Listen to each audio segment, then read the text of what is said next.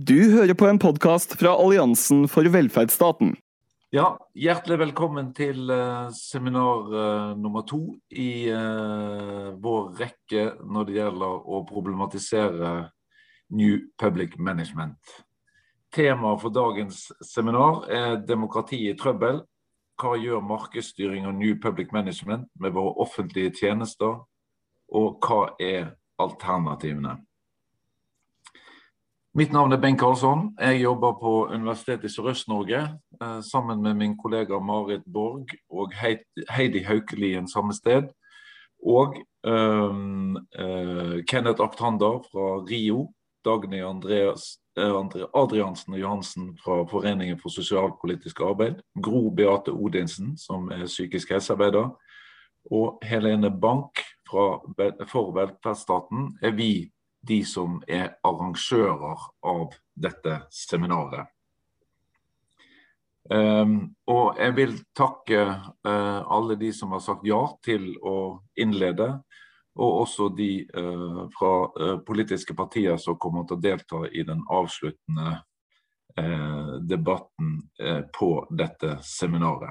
Det som er altså bakgrunnen for dette, er jo at vi ønsker at vi ønsker å fokusere eh, på uh, New Public Management og hvilke konsekvenser det har innenfor ulike felt. Uh, vi representerer både fag-, forsknings- og erfaringsforankrede deler av disse tjenestene.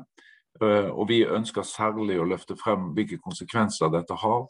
Og I denne sammenheng Eh, ønsker vi altså å se på finnes det alternativ, og eventuelt hva består disse alternativene av. Eh, så da vil jeg bare overlate ordet til, eh, til to av våre andre i komiteen, som skal lede det videre. Dagny og um, Kenneth. Tusen takk til alle for deltakelse, og lykke til. Takk, Bengt. Jeg bomma litt på knappen der. Men uh, da skal jeg ta dere med videre i, um, gjennom uh, programmet. Og første person som skal snakke, er Halvard Vike, professor ved Universitetet i Sørøst-Norge. Og han skal snakke om demokratiets mulighet i et sentraliserende samfunn. Tusen takk for det. Min bakgrunn er at jeg er sosialantropolog og har jobba i en del tiår med offentlig politikk. Eh, europeiske stater, velferdsstaten, og ikke minst eh, har jeg jobba med studier av tjenester, eh, spesielt i norske kommuner, og har vært veldig opptatt av lokaldemokrati i, eh, i all min tid som, som forsker. Jeg eh, vil gjerne si litt om eh, New Public Management-tendenser eh, eh, og konsekvensene for velferdsstaten sånn som vi kjenner den spesielt i Norden. Og jeg skal prøve å ta et historisk og strukturelt perspektiv. Og starter med økende ulikhet, sentralisering og maktkonsentrasjon.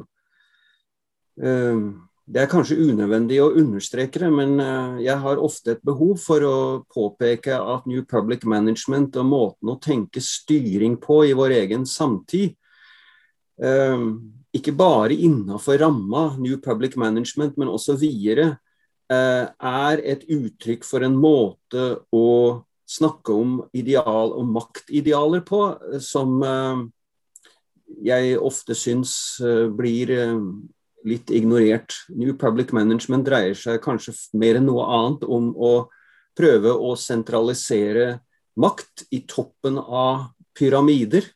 Eh, og, og, gjøre de såpass robuste som redskaper for ledere og lederes intensjoner. At, at, ja, gjøre de først og fremst som, som redskaper. Det er et kjempestort problem fordi ikke minst velferdsstaten i Norden har hatt en uh, utvikling over lang tid uh, som har gjort de til institusjoner som aldri har vært rett og slett uh, egna for, noens, for å være noens redskap i ganske enkel forstand. Så det å transformere institusjoner som har løst en mengde viktige oppgaver for befolkningene i Norden, til redskapet for en sentral makt, er en utrolig skummel eh, tanke. Den er også veldig banal, rent sånn analytisk eller organisasjonsteoretisk. Men altså, denne maktkonsentrasjonen eh, den går sammen med økende ulikhet, og den går sammen med økende sentralisering. Eh, og jeg er nokså overbevist om at de tegna som vi ser eh, foran våre egne øyne nå i den nordiske nordiske verden, altså de nordiske velferdsstatene, er eh, noe nær en, en, en, en, undergraving eller avvikling av velferdsstaten sånn som, vi, sånn som vi kjenner den. Jeg skal komme tilbake til hva jeg mener med det mer spesielt. En spesielt problematisk side ved institusjonell sentralisering, eller unnskyld, ved maktkonsentrasjon, eh, som New Public Management er ett av mange uttrykk for, La meg bare understreke at f.eks. i Norge så har sentralisering av makt, f.eks. statlig makt på bekostning av tjenesteytende institusjoner, pågått eh, mer eller mindre i nær tilknytning til New Public Management. Så det er mye mer enn bare New Public Management som forårsaker denne sentraliseringa. Men en, en, måte å snakke om, om sentraliseringa på, er altså at vi har å gjøre med en institusjonell sentralisering. I den norske debatten så snakker vi veldig mye om sentralisering liksom, av, av, funksjoner og makt fra, sen, fra periferi til, til, sentrum. Men jeg syns vi ofte underspiller den betydninga som transformasjonen av institusjoner i velferdsstaten har, har hatt. Den går i retning av det jeg her kaller for bestillerstaten ideologien, eller ideen, idealet, om at offentlige myndigheter, altså en type briljant, klarsynt ledelse, skal definere behov som den så skal bestille fra tjenesteytende institusjoner, er en form for er en form for makt som jeg tror vi har uh, undervurdert. Det er en veldig naiv idé, det er en veldig dysfunksjonell idé, men det viser seg at den er veldig vanskelig å, å korrigere. Og Min påstand her er at uh, velferdsstaten sånn som vi kjenner den, har utvikla seg langs en helt motsatt tendens. Den har utvikla seg mer på uh, lokale premisser uh, enn vi har vært vant til å tro. Sånn at de gode sidene ved velferdsstaten, sånn som de fleste deler av befolkninga i Norden tenker på velferdsstaten, er et resultat av helt motsatte tendenser av det vi nå ser. Den neste, eh, den neste overskriften her, eh, som er spørsmålet hva er forutsetningen for statskapasitet? Med det mener jeg altså at begrepet statskapasitet eh, har fått en ny aktualitet i mye internasjonal litteratur, bl.a. ved hjelp av Francis Fukuyama, som har understreka at det er, det er, jo ikke bare demokratiets kvalitet eh, som spiller en rolle for legitimitet i demokratiske samfunn, det er også statens evne til å på en måte gjøre jobben den har påtatt seg. Og det som jeg syns vi ofte har undervurdert i Norden, er behovet for å forklare hvorfor de nordiske statene har hatt en så kan vi si, enestående suksess med å uh, ivareta evnen til å uh, gjøre jobben, altså levere, levere varene. Jeg tror gode offentlige tjenester, forholdsvis lett tilgjengelige tjenester, uh, har vært eh, en viktigere del av den store legitimiteten som, som nordiske demokratier har, har, hatt, enn vi har vært vant til å eh, tro.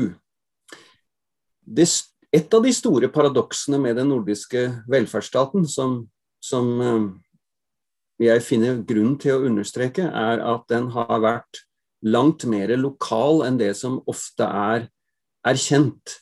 Eh, det er ganske vanlig å tenke om de nordiske velferdsstatene, og Sverige har jo vært kroneksempler på det, sett fra et amerikansk, britisk eller fransk ståsted, så har ofte den svenske staten og velferdsstaten dermed blitt assosiert med noe autoritært, noe sentralstyrt, noe som har sterke assosiasjoner til en, en sterk sentralmakt. Og det er helt riktig i noen betydninger av ordet, men når det gjelder framveksten av offentlige tjenester i Norden, så har de i hovedsak et motsatt opphav. Så min påstand er altså at veldig mange av de fenomenene som har vist seg å være altså levedyktige ved de nordiske velferdsstatene, har et opphav i de lokale institusjonelle rammene. Kommuner, frivillige organisasjoner og relativt autonome tjenesteytende øh, profesjoner. Uh, og Det betyr at min påstand her er altså at, at, at de nordiske velferdsstatenes relative suksess eh, avhenger i veldig høy grad av at tjenestene har vært relativt lite sentralt kontrollerte. Altså det er lokale, autonome institusjoner og tjenesteutøvere, jeg mener relativt autonome, som er eh, hovedforklaringa på den store eh, legitimiteten som offentlig sektor og, og staten har hatt i, i Norden.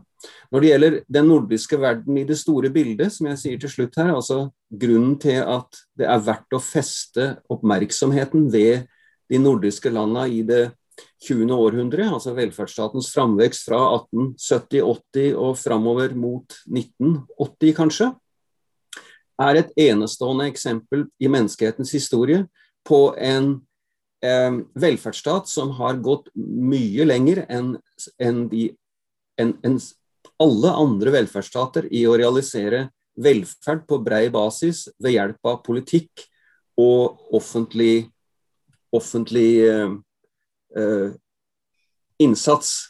Eh, vi har fortsatt eh, vi har fortsatt mye igjen av, disse, av dette veldig historiske eh, eksperimentet. Men en av mine ambisjoner er altså å å styrke vår evne til å forklare hvorfor dette veldig særegne og enormt ambisiøse eksempelet så lenge lykkes eh, veldig godt. Og det har å gjøre med det jeg her kaller for universalismens velsignelser. Eh, jeg har lita tid til rådighet, så jeg er nødt til å bruke litt større ord enn kanskje det som har vært ønskelig hvis jeg kunne nyansere mer. Men eh, jeg mener altså at velferdsstatens ekspansjon eh, skjedde under betingelser som var i veldig høy grad prega av en folkelig kontroll med institusjoner. Altså, eh, demokratiet er ikke bare avhengig av demokratiske vedtaksprosesser i demokratiske organer, som kommunestyrer og Stortinget, men også av at institusjonene er under folkelig kontroll på daglig basis. Og det er den enorme endringa og et dypt paradoksalt fenomen i Norden.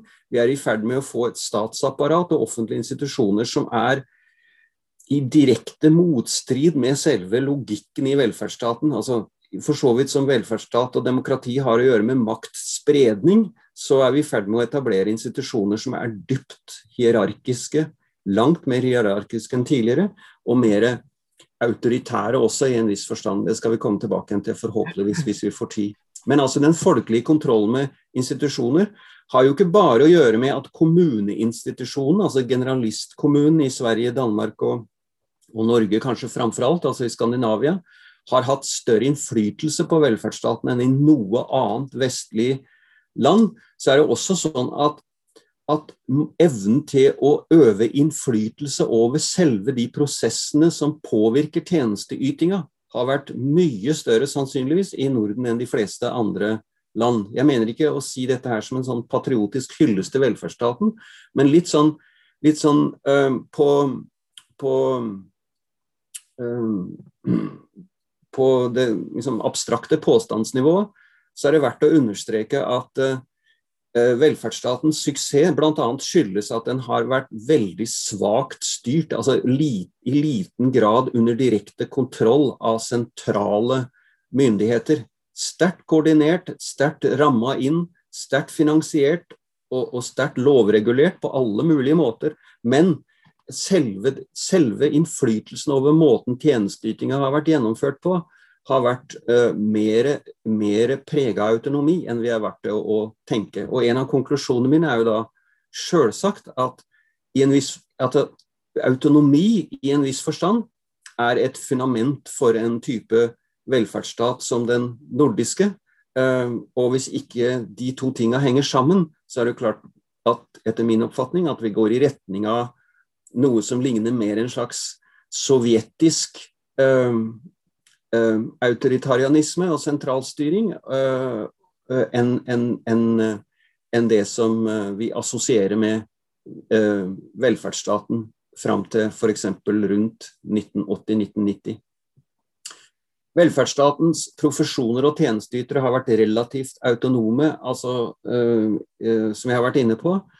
Når det, gjelder, når det gjelder mitt poeng her med universalisme, så um, vil jeg bare kort understreke at med universalisme så mener jeg grovt sett altså den statlig definerte ambisjonen om å gjøre tjenester knytta til borgerskapet, finansiert gjennom skatteseddelen, og eh, forholdsvis lett tilgjengelige og i hovedsak uten sterke behovstestingsregimer.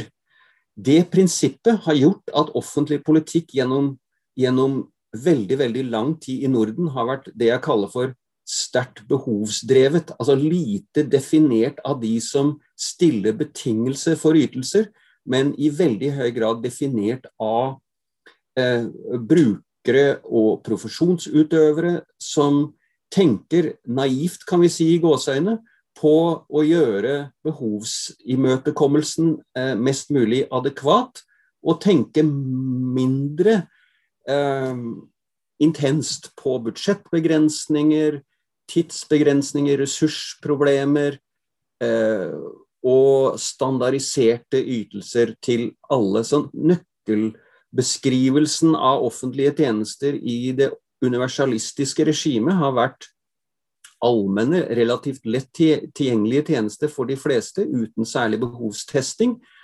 Og med ganske stor grad av innflytelse over tjenesteytinga på daglig basis. Jeg mener ikke å romantisere her, for dette har variert veldig. Men jeg mener altså at, at den sentrale kontrollen med tjenesteytinga har vært såpass svak at skjønnet har kunnet spille en stor rolle i praksis. Og dialogene mellom brukere og ansatte har, vært, har hatt strukturelt sett ganske gode rammer, selv om det ikke har fungert sånn altså, smertefritt i praksis, selvfølgelig, og variasjonen har vært stor. Men jeg er veldig opptatt av at universalismen har gitt rammer for profesjonsutøvere og lokale institusjonelle tjenesteytingsinstitusjoner, som kommunene, Eh, til å, til å, følge behov i større grad enn f.eks. vi er vant til å tenke i land hvor staten av veldig naturlige grunner har blitt assosiert med overgrep, ydmykelse, vanskelig tilgang og arroganse, som f.eks. i Storbritannia. Ehm, så universalismen har ehm, vært eh, en sensasjonell eh, forankring for den nordiske eh, velferdsstaten og definert veldig mye av premissene, og den er i dyp, i dyp, endring. Jeg tror at kanskje den aller største endringsprosessen vi ser i, i Skandinavia, det er altså at det, begyn, at det blir systematisk stilt betingelser for tilgang til tjenester på måter som innebærer at tjenesteutøvere og kommunale eh, etater, altså tjenestekontorer osv., i praksis eh, vier oppmerksomheten først og fremst på å finne måter å avgrense tjenester på, rasjonere tjenester på, stille betingelser som noen ganger er forankra i lov, men veldig ofte ikke, for å redde budsjetter og tjene lojalitetskrav fra institusjonelle eh, altså i institusjonelle rammer som er mye, mye mer opptatt av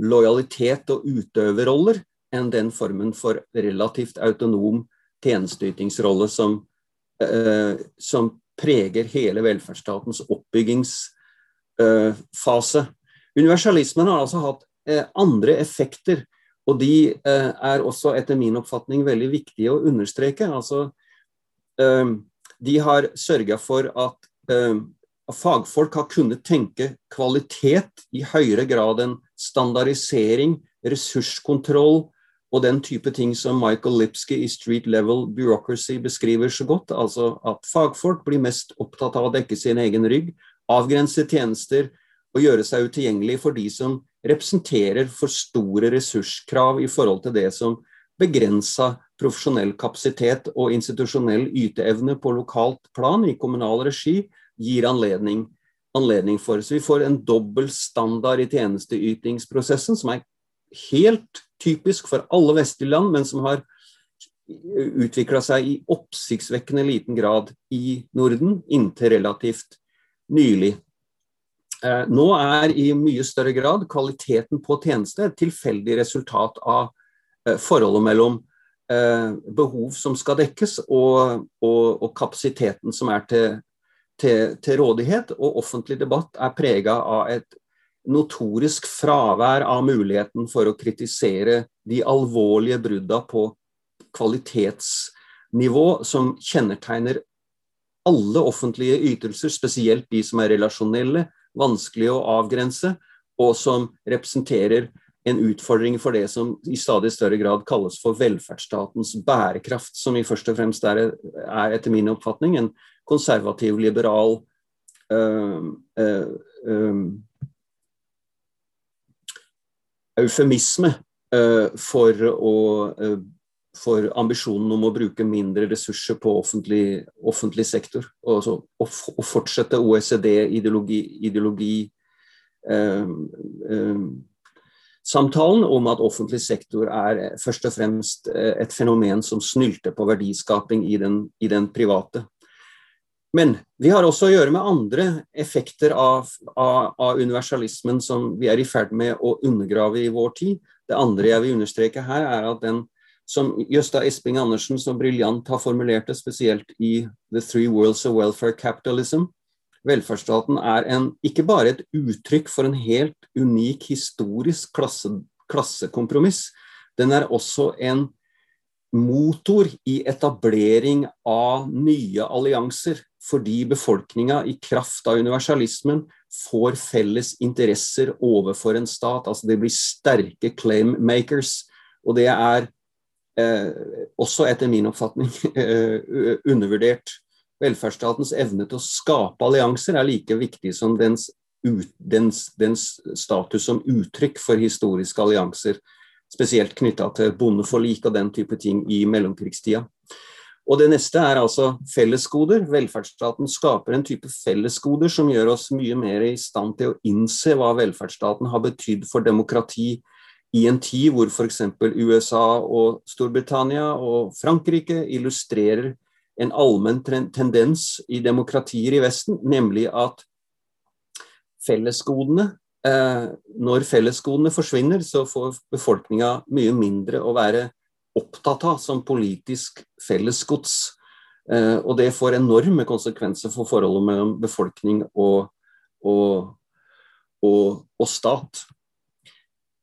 Men jeg vil også bare understreke en gang, enda en gang til slutt at velferdsstaten i den versjonen som er gitt det her, eh, har ført til en veldig interessant form for maktspredning Eh, som ikke er vedtatt eh, av noen, men som i kraft spesielt av det kommunale sjølstyret og det ekstreme, ekstreme satsinga på velferds, helse, sosial, velferds- og utdanningstjenester over en brei, på en brei basis, basert på relasjonelle tjenesteyterregime, eh, har bidratt til å skape en form for maktspredning som eh, har gjort det mulig å korrigere statsmakt.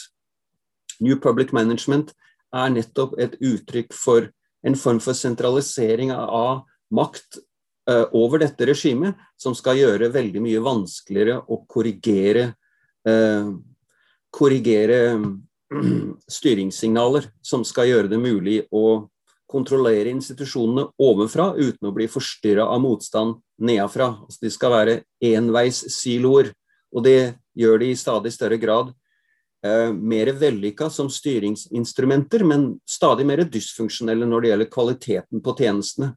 En viktig pris for dette her er jo da ikke minst ansatte i offentlig sektor som må betale, i den forstand at de må vie større oppmerksomhet til lojalitetsspørsmål enn en kvalitetshensyn. Så bare la meg oppsummere, eh, hvis noen kan hjelpe meg med tida her nå, for jeg har ikke helt eh, oversikt over den, så skal jeg avslutte når jeg får ordre om det. Men det jeg kaller for institusjonell sentralisering, som da eh, handler om eh, på hvilken måte offentlig sektor og institusjonene som før tjente eh, eh, folkelige interesser, blir mer og mer et redskap eh, på eh, de folkelige interessenes bekostning. Eh, de kjennetegnes av at institusjonene blir mer hierarkiske, de blir mer autoritære i den forstand som jeg har vært eh, inne på ved et par anledninger. De blir mindre påvirkbare nedenfra. Det blir stadig vanskeligere å korrigere styringsinstrukser fra toppen. Nav, helseforetak er jo veldig gode eksempler på det. Men også relativt små kommuner i Norge i mange tilfeller er blitt veldig mye mer uh, umulig påvirkbare institusjoner. Når jeg sier umulig, så er jo det litt sånn retorisk sagt, men det er veldig vanskelig å korrigere den sterke maktkonsentrasjonen f.eks. av rådmannsmakt som foregår i, i, i, norske kommuner. Og veldig, i veldig høy grad så kan vi se det f.eks. i måten som mellomledere og ansatte i offentlig sektor håndterer det fundamentale dilemmaet mellom plikten til å yte på den andre sida, i henhold til lovens bokstav og velferdsstatens visjon, og den behovsdrevne forpliktelsen på den ene sida, og ressursknappheten på den andre. De får ikke engang lov ofte å formulere dilemmaer, og får heller ikke anledning til å ta initiativ til å diskutere i hvilken grad dette representerer et enormt dilemma for den politiske samtalen. Det blir redusert til et effektivitetsspørsmål veldig ofte. Ideen om at vi kan ha en stat som bestiller tjenester fra sentralt hold, og en stat som da skal gjøre hvert enkelt individ i stand til å konkurrere, eh, delvis ikke minst med hverandre, og også om tilgang til tjenester, er en eh, rådende idé som er så dysfunksjonell også i organisasjon, organisasjonsfaglig sammenheng at det er eh, veldig sjokkerende at den kan leve så uh, tilsynelatende u... Uh, ja, så tilsynelatende uh, vel som, som, den gjør. Ideen om at staten kan bestille tjenester, er helt meningsløs i en situasjon hvor offentlige tjenester nettopp skal være mulig å påvirke nedenfra, og som skal være behovsdrevet snarere enn dirigert av ambisjoner fra et eller annet abstrakt Eh, eh, styringssentrum. Ja, de to siste elementene her eh, følger av resten, etter min oppfatning. Vi får en systematisk avgrensning mellom makt og ansvar. Altså makten skilles fra ansvaret. Makten, makten til å definere rammene for velferdsstaten og samtidig rekkevidden er løsrevet fra hverandre. Eh, men det er også sånn at ansvaret for å imøtekomme behov som følger av velferdsstatlige ambisjoner, er helt desentralisert til kommuner og førstelinjetjenesten. Eh, og dette fører til store utfordringer, og en av de handler jo om ting som vi ved universitetet som skal utdanne profesjonsutøvere, står i spesielt, nemlig at eh, profesjonsutøvere rives veldig ofte av integritetsspørsmål. Eh, er det den faglige integritetens eh, rolle å påpeke eh, at behov ikke blir dekt, eller blir dekt på en mye mindre adekvat måte enn det som velferdsstatens lov tilsier? Eller er den enkelte tjenesteyters plikt bare å utøve ordre, sånn som f.eks. situasjonen i større grad var i Sovjetunionen? I løpet av mine 30 år som forsker på dette feltet, så har jeg sett påfallende endringer i denne innfallsvinkelen til hva som er det hva som er ansvaret for de tinga som ikke blir gjort på loka lokalt, uh, lokalt uh, nivå. For en del tid tilbake så var det en, en kilde til fagpolitisk mobilisering i veldig, i veldig, høy grad. I dag så er den tendensen veldig mye svakere. I det så ligger ikke noen mor mor moralsk vurdering fra min side, men snarere et, et, et hjertesukk som, som, som, som betegner noe av den hva skal vi si, kulturelle effekten av New Public eh, Management. Det å kreve lojalitet gjør noe med selve dypet av fagfolks integritet. Og det påvirker relasjonene og alliansene som velferdsstatens fundament i utgangspunktet bygger på. Så New Public Management er uttrykk, etter min oppfatning, for en dyp kulturell prosess som bidrar til å rive i stykker en del av det fundamentet som de nordiske landene sine velferdsstater hviler på. Tusen takk skal du ha, Halvor. Veldig interessant. Da er det sånn at um, Bitten og Teresa fra, fra AFI Oslo MET uh, har meldt uh, forfall, sånn at vi går uh, rett videre til Sverige og Lars Taksen, som er tidligere dosent ved Linköping um, universitet. Han skal snakke om erfaringer og, og, fra Skottland. Det gleder jeg meg masse til å høre om. Vær så god, Lars. Ok, skal vi se. Ja, jeg skal prate om Skottland og hur, och hur de avvecklade vårdmarknaden.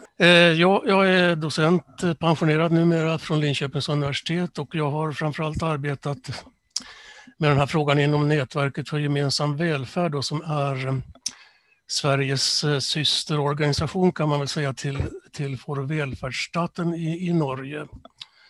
Och eh, frågan är då varför är Skottland intressant?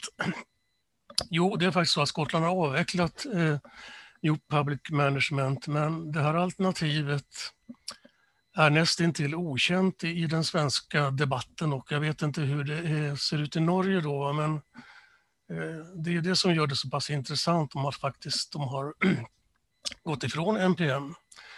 Och jag tänkte börja med att prata lite grann om eh, NHS, då, det Storbritanniens sjukvårdssystem. Och, eh, det kom ju till som ett resultat av kriget då, när man plötsligt öppnades upp ett, ett nytt fält för att göra omfattande strukturförändringar gentemot den vård man hade innan kriget. Och, och eh, 1948 så sjösattes då NHS eh, och det var ett system där, där eh, de som använde det har, det kostade ingenting att använda det.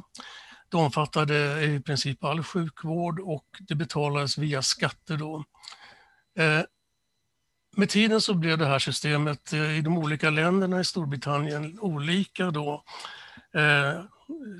England, Skottland, Nordirland och Wales har gått delvis olika vägar men under samma samma namn kan man säga, då, NHS. De största skillnaderna då finns, eh, verkar det som, mellan England och Skottland. England har fortsatt på eh, marknadiseringsvägen medan Skottland har avvecklat den.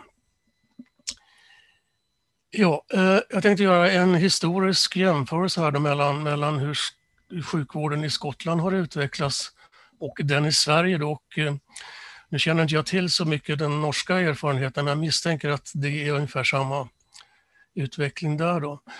Eh, på 70-talet så utvecklade eh, Skottland eh, sin sjukvård från 1948 genom olika, eh, olika åtgärder som att man utbildade sjuksköterskor, gjorde samarbete med universitetet så vidare. På 1980-talet så kom Thatcher till makten och då hade man börjat kritisera det skotska systemet. Och eh, man införde då NPM eh, som styrande princip och byggde in alltså då interna marknader och beställarorgan som kallas för trusts i, i Skottland. Och även gick man ifrån den, den skattefinansierade systemet till en, en insatsfinansierad eh, modell baserad på, på så kallade eh, diagnosrelaterade grupper. Eh, Ja, under, och det här, det här innebar att man alltså sjösatte ett konkurrensbaserat system kan man säga. 1990-talet eh, så fick Skottland en, ett en utökad självständighet genom den så kallade devolutionen, devolution. Och man man började reducera de här beställarorganen och man fokuserade mycket mer på hur man kunde få personalens villkor bättre. 2004 hadde hade man avvecklat alla de beställarorgan som man hade och genom det som kallas för NHS Reform Act 2004 alltså så hade man avvecklat marknaden helt enkelt och DRG-systemet hade, hade eh, fasats ut då. Och man började också samarbeta med lokala eh, organ, lokala kommuner och så vidare. Eh, under 2010-talet så har man arbetat väldigt mycket med att integrera NHS med, med äldrevården, alltså äldrevården, social care, ligger utanför NHS och eh, det här faktumet blev, blev en väldig, eh, väldigt uppenbart under coronan. Skottland har drabbats väldigt hårt av coronapandemin, minst lika hårt som Sverige och ja, det, det, en, det kan vara en helt annan eh, seminarium, jag kan inte gå in på det nu då. Men man har fortsatt den här utvecklingen och nu jobbar man rätt mycket med att försöka återigen få in äldrevården inom samma ramar som, som NHS då och det har, coronaepidemin har snarare stärkt tilliten till, till den marknadsfria vården och eh, det finns ingen idag i Skottland som, som strävar efter en återgång till marknaden, inga politiska partier, inga professionella organisationer, inte medborgarna heller. Sveriges utveckling har varit den att innan 70-talet så var den ganska spretig, eh, men på 1970-talet så tog man ett eh, stort tag i att utveckla primärvården genom någonting som kallas för sjukronorsreformen. Det var ett ramfinansierat system, alltså betalat via skatter.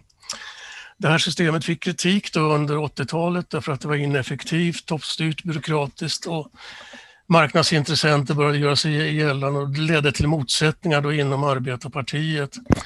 Men marknadsfalangen vann och man inrättade då eh, ett system baserat på NPM, beställarutförarorgan och man ersatte ramfinansieringen med en styckeprisersättning, DRG-baserat. Och från den tidpunkten så kan man säga att vi har ett konkurrensbaserat system inom sjukvården i Sverige. Eh, under 2000-talet så har det här accelererat. Eh, när borgerliga alliansen kom till makten genomförde omfattande besparingar och inrättade det så kallade lagen om valfrihet, vårdvalssystemet och också etableringsfrihet för, för vilken eh, aktör som helst att, att etablera till exempel en vårdcentral där, den finner sig, där man finner att den är mest lönsam. Då. På 2010-talet så, så har det här accelererat ytterligare genom privata sjukförsäkringar och de så kallade nät, nätläkarna då som eh, man kan ringa till om man har ont i halsen eller någonting sånt. Och det blir mer och mer tydligt att det finns ett välfärdsindustriellt komplex som driver på den här utvecklingen och starka ekonomiska krafter och även, även ideologiska förstås. Eh, och på 2020-talet kan man vänta sig att det här kommer att fortsätta, fortsatta besparingar, ökad privat finansiering eh, och ökat privat utförande och vi är på väg alltså mot ett tudelat system Eh, inte som i USA, men någonting ditåt om inte det här kommer att ändras på något sätt då, eller motverkas. Eh, det här handlar ju väldigt mycket om struktur och strukturförändringar då och eh, struktur är ju ett svårt ord och det är inte så lätt att förstå vad man menar med det alla gånger. Och jag brukar försöka använda den här bilden för att förklara. Det är ett välfärdsbygge som ett bygge då och i grunden så finns det de grundläggande värderingarna här, själva grundplattan i bygget. Ska det, ha, ska det vara ett behovsdrivet eller vinstdrivet system? Eh, sen kommer de bärande stommarna i det här bygget, då, förvaltningsmodell, det vill säga hur utvecklar vi och vidmakthåller den modell vi har valt? Vilka lagar styr eh, modellen, eh, det system vi har? Hur finansierar vi det? Hur blir det med ansvarsutkrävande? Hur pratar vi om systemet? Vilket språkbruk använder? Etiska frågor och så vidare. Och sen finns naturligtvis lager här av de som ser till att det faktiskt blir någonting av det här. Personal, organisation, utrustning, beredskap, kvalitet och så vidare. Och när det här bygget är på plats då kan medborgarna åtnjuta olika slags tjänster som sjukvård, äldreomsorg, socialförsäkringar, ja, skola, barnomsorg, vad det nu kan vara för någonting. Och eh, eh då kan man säga så här att strukturförändringarna i Skottland har gått ett, från ett behovsdrivet system de har varit inne och testat ett vinstdrivet system under cirka 15 år men gått tillbaka till ett behovsdrivet system som inte är då detsamma man hade innan, utan ett utvecklat system. Sveriges del då har gått, gått ifrån ett behovsdrivet system allt mer och mer mot ett vinstdrivet system och idag kan man väl säga att vi är någonstans mittemellan här eh, men definitivt på väg mot ett system med mera marknadsinslag. Då. Ja, jag tänkte gå in på några brytpunkter som jag kallar alltså skillnaden mellan skotsk och svensk sjukvård är som allra tydligast. Då. Och, eh, nu kommer inte tiden att räcka till att gå igenom alla de här elementen eller bärande delarna i, i välfärdsbyggen. Jag tänkte koncentrera mig på tre punkter här, personal, organisation och finansiering. Eh, personalen först och främst, och där är det ju så att den, den lyder under, eller styrs kan man väl säga av New Public Management i Sverige fortfarande. Och det innebär ju som ni vet att tilliten till professionen minskar. Man har kontrollerande granskningar, mätningar och ledarskapet, alltså de som leder eh, sjukvården, eh, sjukhusen vidare, är skilt ifrån professionen. Idag har vi direktörer som sitter som chefer på sjukhus som inte behöver ha någon som helst erfarenhet av sjukvård makten, hanterar ekonomi och sådana saker. Eh, eh, det mest extrema uttrycket av det här är det som kallas för värdebaserad vård som har införts på eh, det, som, det nya Karolinska sjukhuset i, i Stockholm då, som är fruktansvärt dyrt och har kantat av en massa skandaler. Men den här värdebaserade vården hette ursprungligen Value-Based Competition när den kom ifrån USA då, och där finns det ett uttalat syfte att minska personalens inflytande. De ska helt enkelt inte ha något inflytande. Och eh, en annan aspekt av det här är att ansvariga politiker inte verkar lyssna till de som jobbar på golvet. De tror inte på vittnesmålen som kommer fram där helt enkelt. Och det här är ett extremt uttryck för det. Det här är från december 2019 där eh, man ville genomföra omfattande nedskärningar och varsel av personalen inom sjukvården. Och det ordnades en manifestation mot eh, de här planerna då och det sitter två ansvariga läkare här runt bordet till vänster och en, en journalist i Dagens Nyheter som har skrivit mycket om det och så programledarna nere till höger här. Men det som är intressant är alltså hon som står uppe till vänster i bilden här. Det är eh, en av de ansvariga politikerna för sjukvården i Stockholm, Ella Bolin, kristdemokrat, som helt enkelt vägrar att sitta vid samma bord som den personal hon basar över. Och det här är rätt fantastiskt egentligen. Eh, och man kan nästan se här rent fysiskt hur avståndet mellan politiker och, och personal eh, är. Då. Eh, i Skottland så har man en trepartsmodell som kallas för Partnership Working och det är ett samarbete mellan den skotska regeringen, eh, NHS som, som arbetsgivare och fackförbund och professionella organisationer. Och det här innebär då att arbetskraften är aktivt involverad i de beslut som berör dem. Och det har också utvärderats eh, av forskare då och att den här modellen är fundamental för att, för att ha goda relationer till de, de som är anställda i sjukvården. Eh, det här är Dave Watson från fackförbundet Unison som var på besök i Stockholm för ja, ett och ett halvt år sedan nu för att berätta just om den skotska modellen och det blev väldigt uppmärksammat i Sverige, det skrevs väldigt mycket om det. Och han sa så här när han fick höra att personal varslas och avskedas i Sverige att oj, det skulle faktiskt aldrig kunna hända i Skottland. Vi har gjort klart för de anställda i Skottland att vi vill att ni medverkar när vi ställer om systemet, men vi försäkrar att ni kommer att få behålla era jobb. Alltså en helt annan attityd till, till de anställda än vad som finns i Sverige då. och kanske även i Norge. Organisation, och då är det så att Sverige är indelat i ett antal regioner, 21 stycken närmare bestämt. Och de här eh, är väldigt självständiga, alltså de kan nästan liknas vid någon slags feodala kungadömen. Eh, och det finns en väldigt svag drivkraft att samarbeta med andra regioner och kommuner. Och eh, det gör det svårt att samordna nationella behov som det blir en uppsplittring, en konkurrens mellan offentliga och privata vårdgivare, sådana saker som forskning, utbildning, utdannelse och IT-beredskap och så vidare försvåras naturligtvis. Och det här blev väldigt tydligt under corona som drabbade Sverige då att det, fanns väldigt, det var väldigt svårt att samordna liksom nationella åtgärder mot, mot coronan. Eh, Skottland är också organiserat i ett antal regioner, 14 stycken närmare bestämt. Och de styrs av någonting som kallas för NHS Board som står för den lokala förankringen i, i varje region. Då. Liknande ungefär det som, som regionerna i Sverige. Då. Eh, men dessutom så har de ett antal nationellt övergripande eh, boards, special, special NHS boards, som inte styr regionerna utan de, de förmedlar eh, ett nationellt understöd till regionerna för att de ska kunna göra sitt arbete på ett bättre sätt. Och, alltså det som varje region inte egentligen bör hantera själv. Då.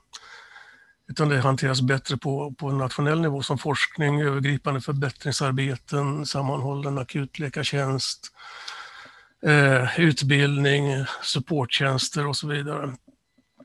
Och det, här, det här innebär att man har hittat en balans alltså mellan att, eh, regionalt självstyre och nationell samordning. Man har alltså en, en slags infrastruktur som underlättar för, för de olika regionala eh, eh, områdena att hantera sjukvården. Så det är ett annorlunda system än det vi har i Sverige, definitivt. Eh, sammanfattning då. Eh, I Skottland har man en erfarenhet av vinstdriven vård under 15 år. Man avvecklade den på cirka sju år. Och det innebär inte någon återgång till en kommando och kontrollmodell man hade innan utan en utveckling av den samarbetsmodell som man har bestämt sig för. Där man framförallt sätter personalen främst. Men det hotas av nedskärningar som, som i, Sverige och på andra ställen. Och det är inte perfekt men det kommer aldrig att återgå till en, en marknadsdriven sjukvård enligt ja, skotska fackförbund och så vidare. Eh, Sverige då, vi har en bra sjukvård i grunden naturligtvis, och, men, men i riktningen här är att vi är på väg från en behovsdriven till en vinstdriven modell. Och det, det, det som är svårt här, som skrämmande här, det är att medborgarna i stort sett är ovetande om den här utvecklingen. Alltså den sker steg för steg. Och det här kan ju förmodligen, eller kanske vändas nu, men tiden rinner allt mer ut. Så om man tänker sig hur ska man kunna vända den här utvecklingen så det första man måste fråga sig är nog vilken är den svagaste punkten i den här vinstdrivna välfärden? Vilka av de här eh, elementen eller bärande delarna är, är det som skulle kunna sätta igång en, en återgång till en mera eh, ja, gemensam välfärd och, eller en utveckling av den kanske, kanske man snarare ska säga. Då. Och då kan man ju titta på alla de här delarna här och eh, diskutera eller fundera över vem man borde börja med då, som kan få det hela att rulla.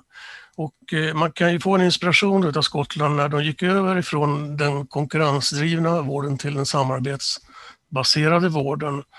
Och det finns ju några faktorer där som man, som man kan urskilja. Då. Dels den här utökade självständigheten eh, som gjorde att Skottland fick ett större bestämmanderätt över sitt, sitt eget system. Det finns också en historisk och kulturell eh, bakgrund. Skottland och England har ju alltid ja, haft motsättningar under en lång tid. Eh, men inte minst politiken, de ledande partierna här, Scottish National Party och, och Labour, var starka motståndare till marknadisering. De hade sett vad som hade hänt under, under ett antal år och eh, drev på den här återgången då till, till, till ett, ett samarbetsinriktat system. Men framförallt verkar det som att det var kostnaden som fick det hela att tippa över och eh, det är Watson igen han sa så här att vår erfarenhet är inte att konkurrens driver kvalitet. Tvärtom, 15 års erfarenhet visar att det var otroligt ineffektivt och dyrt. Och då kan det ju vara så att just finansieringen kan vara en punkt man, man kan börja med, men det här måste man naturligtvis diskutera vidare. Då. Eh, några andra steg på vägen då är att man måste ha klarspråk om den här utvecklingen. Man måste göra folk medvetna om vad som är på gång och där har ju partier och fackförbund ett stort ansvar. Eh, man måste avveckla lagen om valfrihetssystem eller inte införa den som jag förstår att ni är på väg att göra i Norge nu. Då. Eh, införa etableringskontroll. Man, man, kan inte tillåta företag att etablera sig där de finner det mest lönsamt utan att vi har någon som helst kontroll över, över var de etablerar sig. Vi måste särskilja offentlig och privatfinansierad vård för att förhindra gräddfiler till vården och så småningom avveckla beställare utförarsystemet som ju är grunden för, för NPM, eller en, en, en stor del av NPM-systemet. Och framförallt handlar det om att fasa ut aktiebolagen då, som enligt lagen måste sätta aktieägarnas intressen främst och det möjliggör ett vinstuttag av skattepengar. Och ett sätt att göra det på är att inte förnya kontrakten då när de går ut. Förstärka den demokratiska förankringen definitivt och eh, se till att det blir mer resurser till vården. Om man kunde återställa skattenivån till 1999 års nivå här i Sverige så skulle det leda till att man skulle kunna anställa ett antal eh, sjuksköterskor, läkare och undersköterskor inom vården. Eh, det här är en bok som eh, två tunga förespråkare för en vinstfri vård har skrivit just nu, Göran Dahlgren och Lisa Pelling. Och det innehåller en handlingsplan som man kan använda för att diskutera, eh, ordna studiemöten eh, och studiekurser och så vidare.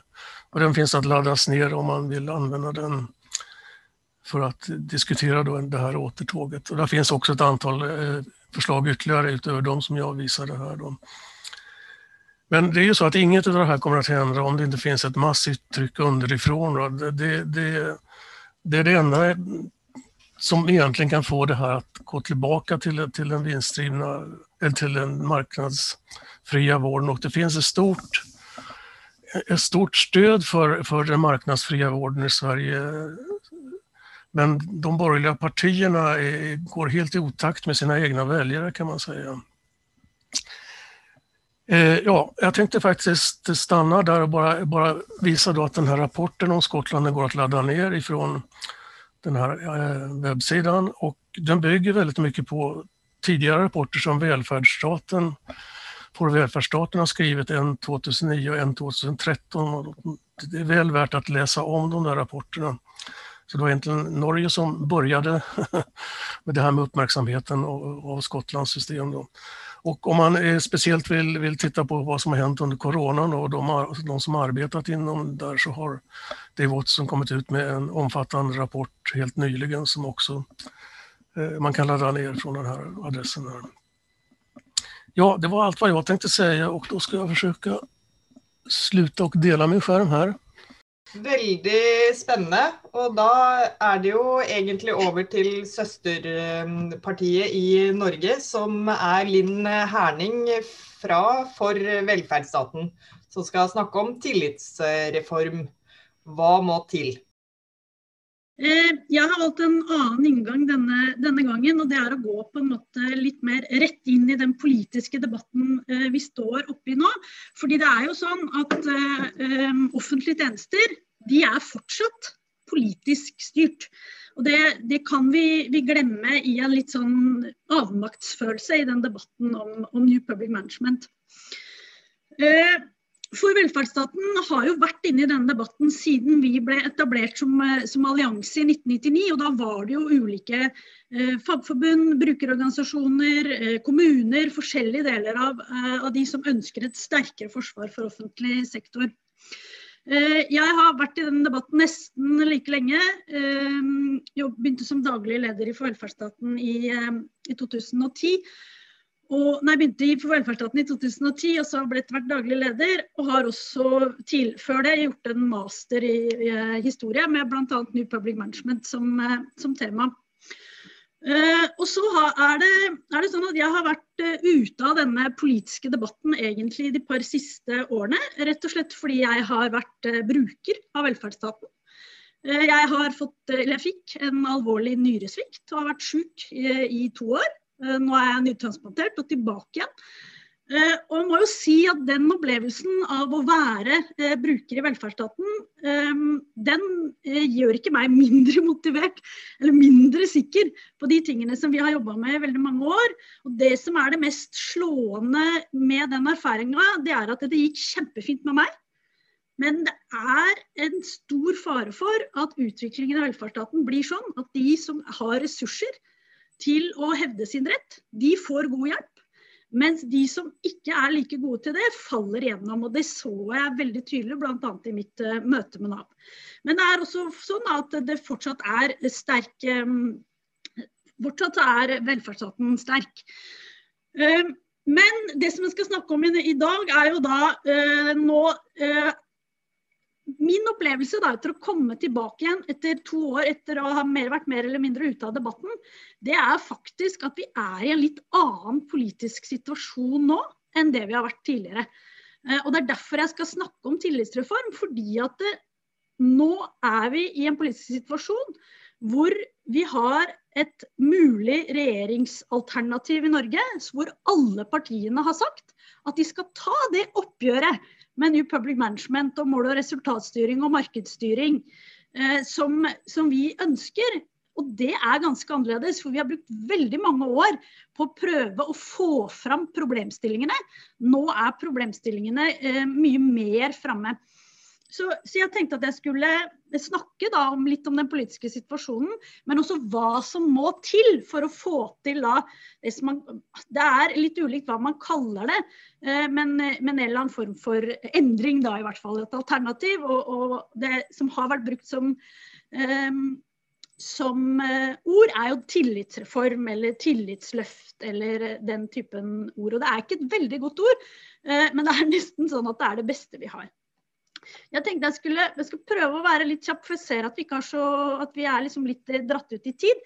Men eh, det jeg har gjort, er at jeg har satt opp fire punkter eh, om hva som må til for endring. Eh, og Det første punktet er at vi må ha regjeringsskifte. Eh, det andre punktet det er at det, det, trengs en konkretisering innenfor alle sektorene. Fordi at tillitsreform den vil være ulik innenfor de ulike sektorene. Og da er jo det å få fram konkrete eksempler, sånn som det som ble omtalt fra, fra Skottland i forhold til helsevesenet, helt avgjørende. Men så er det også sånn at et, eh, en endring av dette, som, som de to foregående talere har, har snakka veldig godt om, det krever også et helt grunnleggende forsvar for velferdsstat og for poenget med offentlig sektor. Og så eh, Det siste punktet som jeg, har da, det er at eh, det er, eh, som, som første taler annet var inne på, og andre taler, det er faktisk en politisk kamp. Og da trengs det en fortsatt sterkere og utholdende politisk kamp tenkte jeg skulle uh, ut, uh, utdype litt på de fire punktene som, som, jeg hadde. Hvorfor er regjeringsskifte helt avgjørende? Nå har vi hatt åtte år med, med en eh, høyrestyrt regjering i litt ulike konstellasjoner i Norge. Og det er ingen tegn til at de ønsker et oppgjør med, med den utviklinga som har vært. Eh, kan bruke to helt enkle eksempler. Et sånt eksempel som, som, vi har brukt veldig mye, det er en formulering som står i den første regjeringserklæringa, bestående av Høyre og Frp. og det er at de, ser, altså de har en formulering som sier at produksjon av velferdstjenester skiller seg ikke fra andre tjenester. Og Det betyr at man ikke ser forskjellen på velferdstjenestene og det politiske formålet med velferdstjenestene og den offentlige organiseringa. Man ser det som om det kunne vært hvilken som helst annen eh, tjenesteproduksjon. Eh, og Hvis man har det synet, så, så kan man ikke Da er man ikke eh, der at man ønsker et oppgjør med, med, markedsstyring som man har hatt i offentlig sektor. Det andre det er den, det synet som, som regjeringa legger, legger for dagen i det som kalles for ABE-reformen men så er det som de kaller for en avbyråkratiserings- og effektiviseringsreform. Og det de har gjort der, det er rett og slett bare å si at alle må kutte litt. Helt, helt flate kutt. Det som gjerne omtales som ostehøvelkutt. Og Det er inni en tanke om at det alltid er et effektiviseringspotensial i offentlig sektor. Og Det går igjen sammen med det da, at man ser ikke forskjell på hva, hva offentlig sektor holder på med, og det som privat sektor holder på med. Så er det sånn at vi hadde jo Det skjedde jo veldig lite på dette området eh, forrige gang vi hadde rød-grønn regjering. Så skulle man tro at det har det noe å si da. Det som har skjedd, det er at det er blitt en ganske eh, Det er blitt gjort ganske omfattende arbeid i kanskje særlig eh, Senterpartiet og Arbeiderpartiet. SV hadde dette delvis på, på plakaten allerede i forrige rød-grønn regjering, men, men det skjedde veldig lite. Og hvis man går inn og ser på de utkastene som nå foreligger til, eh, til stortingsprogrammer for eh, Senterpartiet og for Arbeiderpartiet og for SV, så har de veldig tydelige formuleringer rundt akkurat et oppgjør med New Public Management. Så har de litt ulike formuleringer og sånn, så, men det er en helt annen vilje enn det det var under den forrige rød-grønne. Eh, det tenker jeg det er helt åpenbart. Og det gir en helt annen mulighet Eh, man kan gå inn og se litt på hva som de rød-grønne partiene har i sine eh, partiprogrammer. Eh, mer tillit, mer plass til faglighet, nærhet til brukerne, ny arbeidsgiverpolitikk, mindre standardisert og rigid produksjonsstyring, mer stedlig ledelse, mer, mer medbestemmelse, mindre konsulentbruk, kontroll på lederlønnsutvikling og eh, motstand mot privatisering av velferdstjenester. Så det er et helt annet syn uh, på, på, offentlig sektor enn det som uh, legges, uh, legges, for dagen i den sittende regjeringa. Og så er jo utfordringen at det som da har blitt brukt som, som term, da, tillitsreform, eller Senterpartiet kaller det vel tillitsløft, det er jo vanskelig å si hva det er for noe. Fordi at Høyre sier jo også at de har tillit Eh, og alle er for tillit. Men, eh, men jeg tror det handler veldig mye om hvem man har tillit til. Eh, og hvordan et sånt system institusjonaliseres, rett og slett. Og som var, eh, Lars Taksen var, var, inne på fra, fra, Skottland, så handler det jo om hvordan, hvilke strukturer man eh, legger til grunn. Og det som, som, ble nevnt derfra med et trepartssamarbeid, altså at man har en, en, en, en dialog gående om hvordan eh, hvordan det fungerer i de ulike eh, sektorene, da, i dette tilfellet sykehus, det er en helt annen måte å tenke ledelse og styring og utvikling på enn det som ligger som hovedkriteriet i New Public Management, nemlig en slags form for objektiv mål- og resultatstyring. Altså at man kan styre offentlige tjenester gjennom eh, objektive mål som så genereres oppover i systemet, sånn at ledelsen får oversikt og kontroll det er en av grunntankene i, i New Public Management. Eh, og tankene da om medbestemmelse, tanker om mer faglighet, trepartssamarbeid, den typen ting representerer noe helt annet. Og så er det da den eh, utfordringa eh, som vi har, og det er at det, vi har en vei å gå på konkretisering sektor for sektor. Men der tror jeg det er helt avgjørende at man forstår at dette er jo ikke noe som de politiske partiene kan utforme i et vakuum. Eh, og Derfor så er det eh, viktig å tenke nå at i hvert fall for oss som har jobba veldig lenge med kritikk av styringssystemene, at vi må faktisk komme oss et skritt videre. Uh, og Derfor er det å fremme sånne eksempler som, som fra Skottland, det er, uh, blir helt avgjørende nå. Og for fagfolk som nå sitter og, og, hører på, så er det nå. Det er nå det er liksom man må kjenne sin besøkelsestid. Og være med og se på andre måter å gjøre dette på, helt konkret.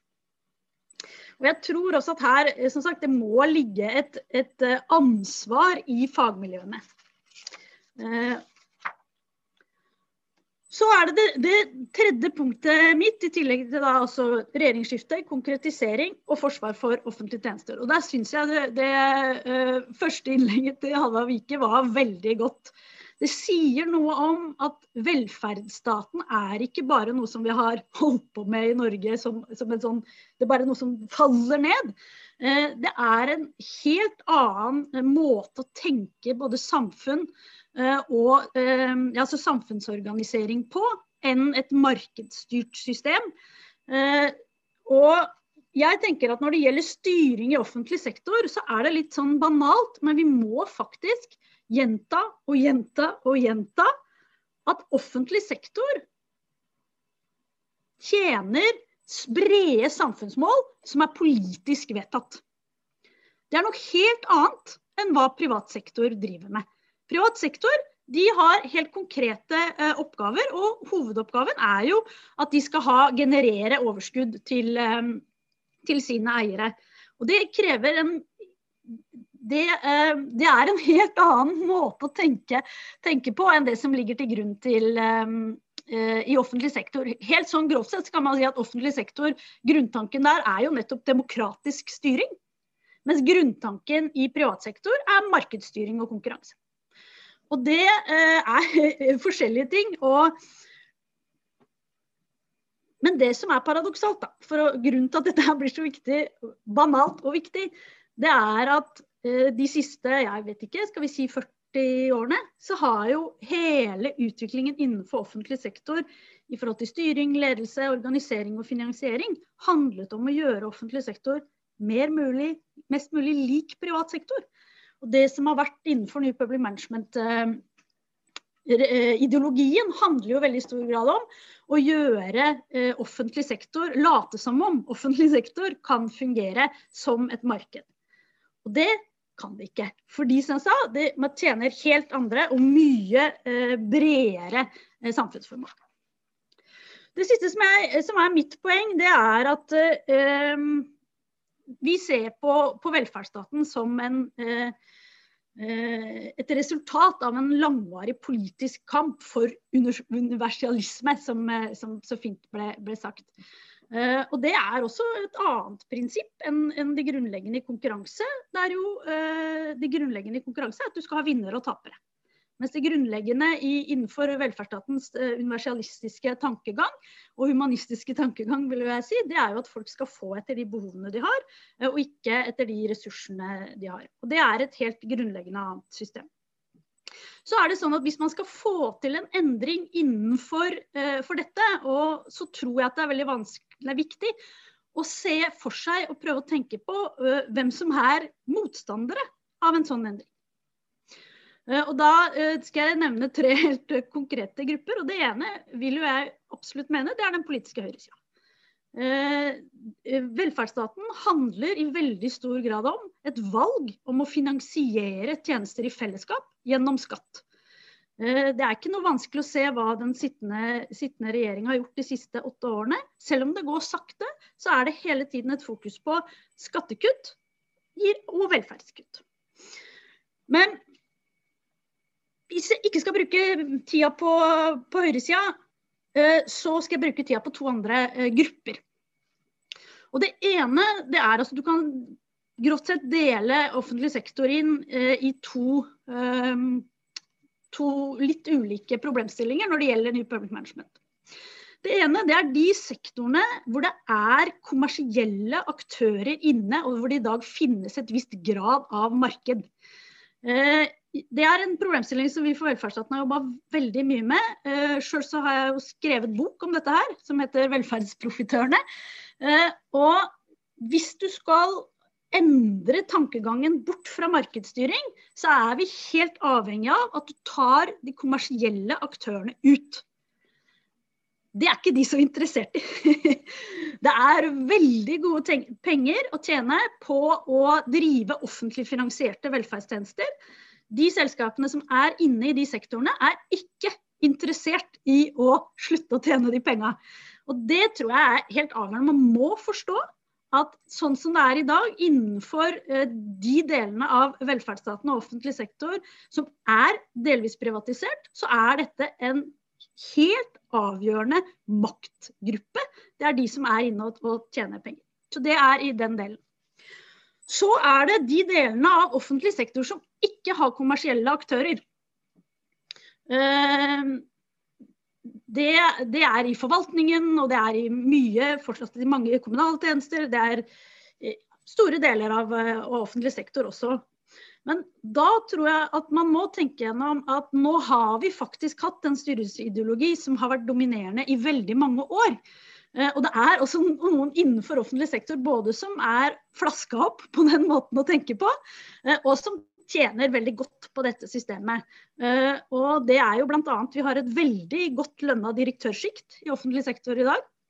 Vi har et stort eh, andel av private konsulenter som er inne og setter premisser, og som får være med på, som har veldig store oppdrag i offentlig sektor. Eh, så eh, denne ulike formen for interne liksom, styringsagenter, det, det, er også litt viktig å, å, forstå at et, et, et så integrert styringssystem som offentlig sektor, nei, som New Public Management i dag er i Norge, så har du også en, eh, et stort sjikt av, av, folk som, som, mener at dette er den beste måten å styre på. Og det er jo ofte som jeg si, at Jo høyere opp i hierarkiet du kommer, jo mer fornøyd er du med, med New Public Management og med eh, mål- og resultatstyring. For når du sitter på toppen og, og, og, styrer på disse genererte måltallene, så virker det veldig logisk. Mens når du står i møte med brukerne, så virker det veldig ulogisk. Og hvis en tillitsreform skal snu opp ned og sette fagfolket øverst um, i si, definasjons- eller makthierarkiet, så er, vil jo da noen andre falle på bunn. Og det er ikke sikkert at de er så, så interessert i det. Jeg skal avslutte nå. Uh, jeg tror at det er viktig at alle som er opptatt av dette, ser den muligheten som vi faktisk har nå. Fordi jeg tror at vi er eh, i en politisk situasjon hvor du har en mulighet til å faktisk få til noe eh, på dette området. Og så kan det hende at vi må jobbe for å finne bedre ord enn tillitsreform og tillitsløft, men det er i hvert fall en, en vilje nå til å gjøre noe med dette. Så for første gang på lenge så avslutter jeg på en litt positiv tone. Tusen takk, Linn. Veldig spennende. Og jeg tror alle tre har vel sagt noen ting om at på en måte makten må tilbake til folket og de som, de som er på gulvet, eller hva man eh, skal si. Så det er jo ganske tydelig. Eh, det har kommet inn noen spørsmål. Uh, og jeg stiller dem uh, bare Det første spørsmålet er fra Audun, som uh, spurte under Lars Taksen sitt innlegg, så det er også retta til hans innlegg. er det sto, store ulikheter mellom det skotske og det engelske systemet, lurer han på? ja, jeg tror at det er ganske store forskjeller, og det finnes forskare som har studerat det där, bland annat en som heter Alison Pollock. Och, eh, eh, alltså det, det, det kanske är något, vad ska man kalla det för? Alltså båda har ju namnet NHS, det är ett slags samlande namn för sjukvården inom hela Storbritannien. Men, men eh, tendensen är tydlig och att i England så har man alltså marknadiserat sin sjukvård i mycket, mycket större utsträckning än, än eh, ja, man har alltså gått tillbaka då i Skottland. Och den fortsätter alltså i, i, i, i England. Men i och med att man har ett sammanhållet system i England så hade man större möjligheter att samordna till exempel under coronan. Då. Eh, och, eh, så det finns fortfarande det här överordnade begreppet NHS, men, men riktningen är, är helt klar. Jag, jag, kan inte säga så mycket mer, så det finns de som säkert vet mer om det her enn jeg. Flott. Um, neste spørsmål sa jo Linn noen ting om, men, eh, men det kom også under uh, Lars sitt um, innlegg. Og det, det, eller, um, det kom fra Gabor, som sier fint, Lars. New Public Management och marknads och vinningsstyrning har ju införts i hela det offentliga sektorn i Sverige. Utbildning, transportväsen, post och så vidare. Överallt samma katastrof. Vem har tjänat på det hela? Ja, men det är väl klart att det finns eh, oerhört starka ekonomiska eh, drivkrafter i, i den här marknadiseringen. Och menar, det, det, är nästan en eufemism att kalla det för riskkapitalister som är inne här eftersom de tar ingen risk överhuvudtaget och deras vinster är garanterade av staten mer eller mindre. Så att den drivkraften är ju, är ju enorma, inte bara då så säga, inom sjukvården också, men även inom andra områden. Och sen finns det ju politiska eh, partier som tjänar på den här utvecklingen. Men i, Sverige, I Sverige är det framförallt Moderaterna då som, som driver den här utvecklingen mot, mot en marknadsstyrd vård. Och de är uppbackade av ett antal eh, så kallade tankesmedjor då som, som, som arbetar väldigt intensivt sedan kanske tre decennier tillbaka med att helt enkelt förändra det som är inne i huvudet på folk. Och om man inte kan åstadkomma någon slags förändring i det sätt folk tänker så är det ju väldigt svårt att åstadkomma noen förändring. Då. Tusen takk. Eh, det neste spørsmålet er vel egentlig kanskje retta mot eh, en av de eh, innlederne fra Norge, eller som kjenner det norske systemet. Det gjør helt sikkert du også, Lars, men det kommer også fra Gabor. Og han sier er det ikke så at Norge har større mulighet at gjennomføre forandringer, eftersom Norge ikke er så bundet av EUs regler jämfört med Sverige og Danmark? Svarer litt på det, för vi har jobba veldig mye med uh, hva EU regulerer på dette området og ikke. Uh, og jeg tror at uh, i en del tilfeller, på, særlig når det gjelder privatisering på helse- og omsorgsområdet, når det gjelder styring innenfor offentlig sektor, så er det faktisk ikke EU som er problemet. Det, vi har, det, er, det er våre norske politikere sin vilje og evne til å gjøre noe med det. Og så er det noen andre tilfeller. altså sånn Jernbanepakke fire, hvis den blir vedtatt, så blir det vanskeligere å eh, renasjonalisere en eventuelt privatisert jernbane. altså det, det er begrensninger, men vi har veldig mye vi kan få gjort før vi bytter i, i EUs regelverk. Så vi må ikke la oss lamme av det. Bara en kort kommentar till det. Det är en, ett av de hot som eh, Skottland upplever då mot sin modell. Det, det är EUs ambition att göra tjänster till en marknad också inom hela EU. Att man kan byta eh, olika slags då och eh, eh, nu vet jag inte hur det här ligger till riktigt inom EU. Jag tror det här är ambitionen att göra tjänster till till en marknad har mer eller mindre gått i stå. Då. Men, men i den rapport som, som, som Roar Eilersen skrev 19, 2013, där, där tar han upp just det här att ett av hoten är eh, EUs ambitioner att göra även vårdtjänster till en marknad. Knytte et par kommentarer til Skyt inn. Ja, takk. Eh, hvis jeg forstår det rett, så var det et spørsmål om hvem tjener på privatisering. Eh, og de nordiske velferdsstatene eh, i den perioden jeg prøvde å beskrive, er liksom, historisk sett i det lange løpet veldig unike eksempler på at galopperende ulikhet har vært ganske høy grad stogga. Så det vi, det vi taper på å ikke holde fast ved universalismen i den forstand, er jo økende ulikhet, som vi vet alle, alle taper på. Eh, og det er veldig karakteristisk i, de, i alle vestlige velferdsstater at det utvikler seg to, to system for tjenester og ytelser. Eh, et system for middelklassen, som er markedsstyrt eller ikke. De kjøper seg fri eller får bedre tjenester eller har tilgang til bedre tjenester. Og så har vi de elendige tjenestene for de elendige. Altså vel, to, et, et sånn, Den type utvikling vi ser konturene av her også, er en soleklar utvikling, ikke bare i to nivåer på tjenester, en for de beste borgere og en for de andre, men også en, en, et grunnlag for økende klassebasert moralisering. Og det er i seg sjøl en veldig vesentlig drivkraft, eh, og det er det som gjør det skotske eksempelet så sensasjonelt og interessant, etter min oppfatning. for i et todelt system hvor den ene gruppa forakter den andre for å ha dårlig moral, altså det engelske welfare syndromet, så er grunnlaget for de fellesinteressene som gjør deling av goder på den måten vi snakker om her, helt urealistiske. Så det er et sivilisasjonsprosjekt som Linn var inne på i stad, i veldig høy grad.